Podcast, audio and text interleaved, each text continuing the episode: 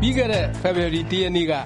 နယူးယောက်အခြေစိုက်ဥပဒေလုပ်ငန်းအဖွဲ့ Herzfeld Rubin Meyer & Rose ဟာမြန်မာနိုင်ငံရန်ကုန်ကသူတို့ရုံးခန်းကိုပိတ်ပြီးထွက်ခွာသွားပါပြီ။လွန်ခဲ့တဲ့၅နှစ်၂၀၁၃ခုနှစ်ကတည်းကမြန်မာနိုင်ငံမှာလာအခြေစိုက်တဲ့အဲဒီဥပဒေအကြံပေးအဖွဲ့ဟာ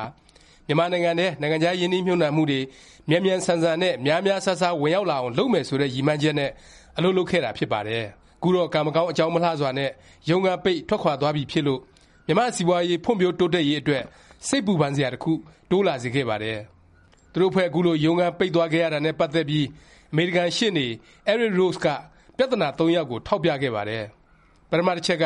မြန်မာနိုင်ငံအပေါ် ချမှတ်ထားတဲ့ စီးပွားရေး ပိတ်ဆို့မှု ကျန်နေသေးတာ၊ဒုတိယ တစ်ချက်က ရခိုင်ပြည်နယ်က ပြသနာ၊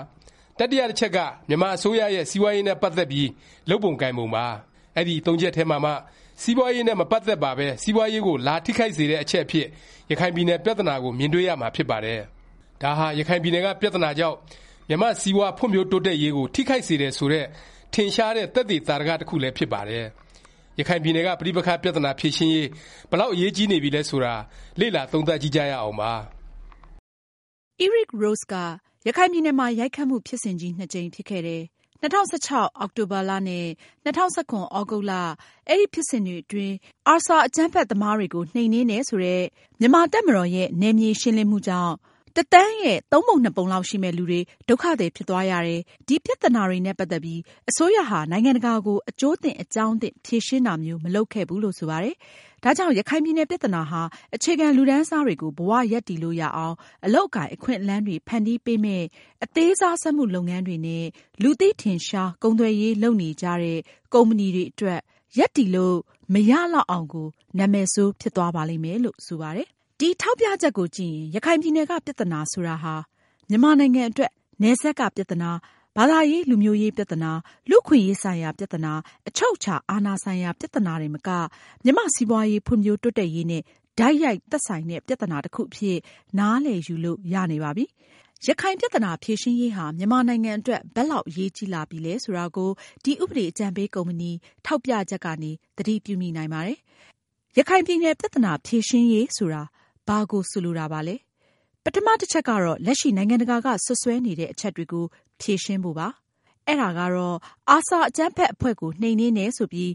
မြန်မာ့တပ်မတော်ဟာအဲဒီဒေသကမူဆလင်သိန်းပေါင်းများစွာရဲ့နေအိမ်တွေကိုမီးရှို့ဖျက်ဆီးပြီးသူတို့ကိုနယ်စပ်တစ်ဖက်ထွက်ပြေးသွားအောင်လုပ်ခဲ့တယ်ဆိုတာပါပဲ။နောက်စစ်ဆင်ရေးကာလအတွင်းမူဆလင်တွေကိုသတ်ဖြတ်၊နှိပ်စက်မှုပြုခဲ့တယ်ဆိုတာပါ။ဒီစွပ်စွဲချက်တွေနဲ့ပတ်သက်ပြီးမြန်မာအစိုးရနဲ့မြန်မာ့တပ်မတော်ဟာကိုယ့်ဖာသာကိုယ်စုံစမ်းစစ်ဆေးမှုတွေလုပ်ပြီးခဲ့ပါပြီ။တပ်မတော်အနေနဲ့ ဘာအမှားအယွင်းတစ်စုံတစ်ရာမှ မလုပ်ခဲ့ဘူး ဆိုပြီး အဖြေထုတ်ထားပါတယ်။ဒီကြားထဲ အင်းဒင်ကျေးရွာမှာ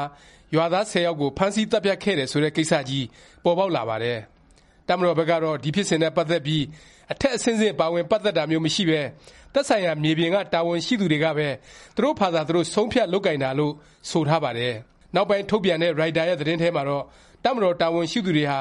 ရဲတပ်ဖွဲ့ဝင်တွေ၊တိုင်းရင်းသား ရွာသားတွေကို စေခိုင်းပြီး မူဆလင်နေအိမ်တွေကို မီးရှို့၊ ပစ္စည်းတွေကိုယူ၊လူတွေကိုလည်း အသေအခြာ သတ်ဖြတ်ခဲ့တယ် ဆိုပြီး ဖော်ပြထားပါတယ်။နောက်ထပ် ပေါ်ပေါက်လာပြန်တာက ဘူးသီးတောင်မြို့နယ် ဂူတာပြင် ကျေးရွာ သတင်းပါ။အဲဒီရွာပတ်ဝန်းကျင်မှာ လူတွေ အစုလိုက် အပြုံလိုက် မြှုပ်နှံထားတဲ့ နေရာနေရာ ရှိတဲ့အကြောင်း၊ဒီလူတွေဟာ လုံခြုံရေး တပ်ဖွဲ့တွေရဲ့ သတ်ဖြတ်မှုကြောင့် သေဆုံးခဲ့တာဖြစ်ပြီး အလောင်းတွေကို မမှတ်မိအောင် မျက်နှာကို အက်ဆစ်လောင်းထားတာ၊သေနတ်တွေနဲ့ ပစ်ခတ် ဖျက်ဆီးထားတာမျိုး ရှိတယ်လို့ မျက်မြင်သက်သေတွေနဲ့ ဂြိုလ်တု ဓာတ်ပုံတွေကို ကိုးကားပြီး AP ကဖော်ပြပြန်ပါတယ်။ AP က သတင်းကို ဖော်ပြပြီးတာနဲ့ အစိုးရဟာ အဲဒီနေရာတွေကို စုံစမ်းစစ်ဆေးရေးအဖွဲ့တွေ စေလွှတ်ပါတယ်။အဖြေကတော့ ၂၀၁၇ သြဂုတ်လ ၂၇ ရက်နေ့တုန်းက လုံခြုံရေးတပ်ဖွဲ့ဝင်တွေ နယ်မြေရှင်းလင်းချိန် ဂူတာရက်ဆိုတဲ့ရွာမှာ အကြမ်းဖက်သမားတွေအပါအဝင် ရွာသား ၅၀၀ လောက်နဲ့ ထိတွေ့တိုက်ပွဲဖြစ်ခဲ့တဲ့အကြောင်း၊အဲဒီတိုက်ပွဲအတွင်း အကြမ်းဖက်သမား အလောင်း ၁၉ လောင်းရတဲ့အကြောင်း၊အဲဒီအလောင်းတွေကိုတော့ စနစ်တကျ မြှုပ်နှံသဂြိုလ်ခဲ့တာရှိကြောင်း၊ ဒါပေမယ့် AP သတင်းဖော်ပြချက်ကတော့ မှားယွင်းကြောင်း ပြန်ရှင်းပါတယ်။ဒီလိုဖြစ်စဉ်တွေ ပေါ်ထွက်လာလေလေ မြန်မာ့တပ်မတော်ရဲ့ ပြန်ဖြေရှင်းချက်ဖြစ်တဲ့ ရခိုင်ပြည်နယ်မှာ သူတို့ ဘာအမှားအယွင်းမှ မကျူးလွန်ခဲ့ပါဘူးဆိုတဲ့ အချက်ကို နိုင်ငံတကာ အသိုင်းအဝိုင်းက သံသယ ဖြစ်လေလေပါပဲ။ဒီအတွက် အစိုးရအနေနဲ့ ရခိုင်ပြည်နယ် အခြေအနေ အဖြစ်မှန်တွေ နိုင်ငံတကာကို သိစေချင်တယ်ဆိုရင် အဲဒီဒေသကို သတင်းသမားတွေ သွားခွင့်ပြုဖို့ပါပဲ ဘင်္ဂလားဒေ့ရှ်နယ်စပ် ဒုက္ခသည်စခန်းတွေက သိရတဲ့ စတိုရီတွေ မှန်မမှန် သွားပြီး စိစစ်ခွင့်ပြုဖို့ပါပဲ။အဲလို သတင်းထောက်တွေ သွားခွင့်ပေးဖို့ဆိုတာ အရေးကြီးတဲ့အကြောင်း ကိုဖီအာနန်ကော်မရှင် အစီရင်ခံစာမှာ အကြံပေးထားပြီးဖြစ်သလို၊နောက်ထပ် အကြံပေးအဖွဲ့ခေါင်းဆောင်ဆူရာကီယက်ဆာသီရာထိုင်းကလည်း ပြောဆိုထားပြီးပါပြီ။နောက်ထပ် လက်တွေ့လည်းကျ အရေးကြီးတာတစ်ချက်က ထွက်ပြေးသွားတဲ့ ဒုက္ခသည်တွေ ပြန်လည်နေရာချထားရေးပါ။ လက်ရှိအချိန်မြန်မာဘက်ကအဆင်သင့်ဖြစ်တယ်ဆိုပေမယ့်ဒုက္ခသည်တွေတစ်ဦးတစ်ယောက်မှပြန်ဝင်လာတာမရှိသေးပါဘူး။ဒီကိစ္စကိုလည်းစလယ်ဆုံးစနစ်တကျအကောင်အထည်ဖော်ရပါလိမ့်မယ်။မူဆလင်တွေအနေနဲ့သူတို့အရင်နေသွားဖူးတဲ့ကျေးရွာပတ်ဝန်းကျင်မှာပြန်နေခွင့်ရအောင်၊အကြောက်တရားကင်းကင်းနဲ့လုပ်ကိုင်စားသောက်နိုင်အောင်ဖန်တီးပေးဖို့လိုပါလိမ့်မယ်။ တကယ်တော့ရခိုင်ပြည်နယ်ကပြသနာနိုင်ငံတကာကအမြင်ရှင်းလာအောင်၊နိုင်ငံတကာကလက်ခံတဲ့ဖြေရှင်းနည်းဖြစ်အောင်လုပ်ရာမှာအဓိကအရေးပါတာကတော့တပ်မတော်ခေါင်းဆောင်တွေနဲ့ရခိုင်နိုင်ငံရေးသမားတွေပဲဖြစ်ပါတယ်။သူတို့ကိုယ်တိုင်ပြသနာကိုလက်တွေ့ကျကျဖြေရှင်းမယ်ဆိုတဲ့သန္ဓိဌာန်ချ၊အစိုးရနဲ့ပူးပေါင်းအကောင်အထည်ဖော်ပါမှရခိုင်ပြည်နယ်ပြသနာပြေလည်မယ့်လမ်းစတွေ့မှာဖြစ်ပါတယ်။ဒါမှသာပြည်သူတစ်ရပ်လုံးလိုလားတောင့်တနေတဲ့တိုင်းပြည်စီးပွားဖွံ့ဖြိုးတိုးတက်ရေးလမ်းကိုလည်းအနှောင့်အယှက်ကင်းကင်းလျောက်လှမ်းနိုင်မှာဖြစ်ကြောင်းပါ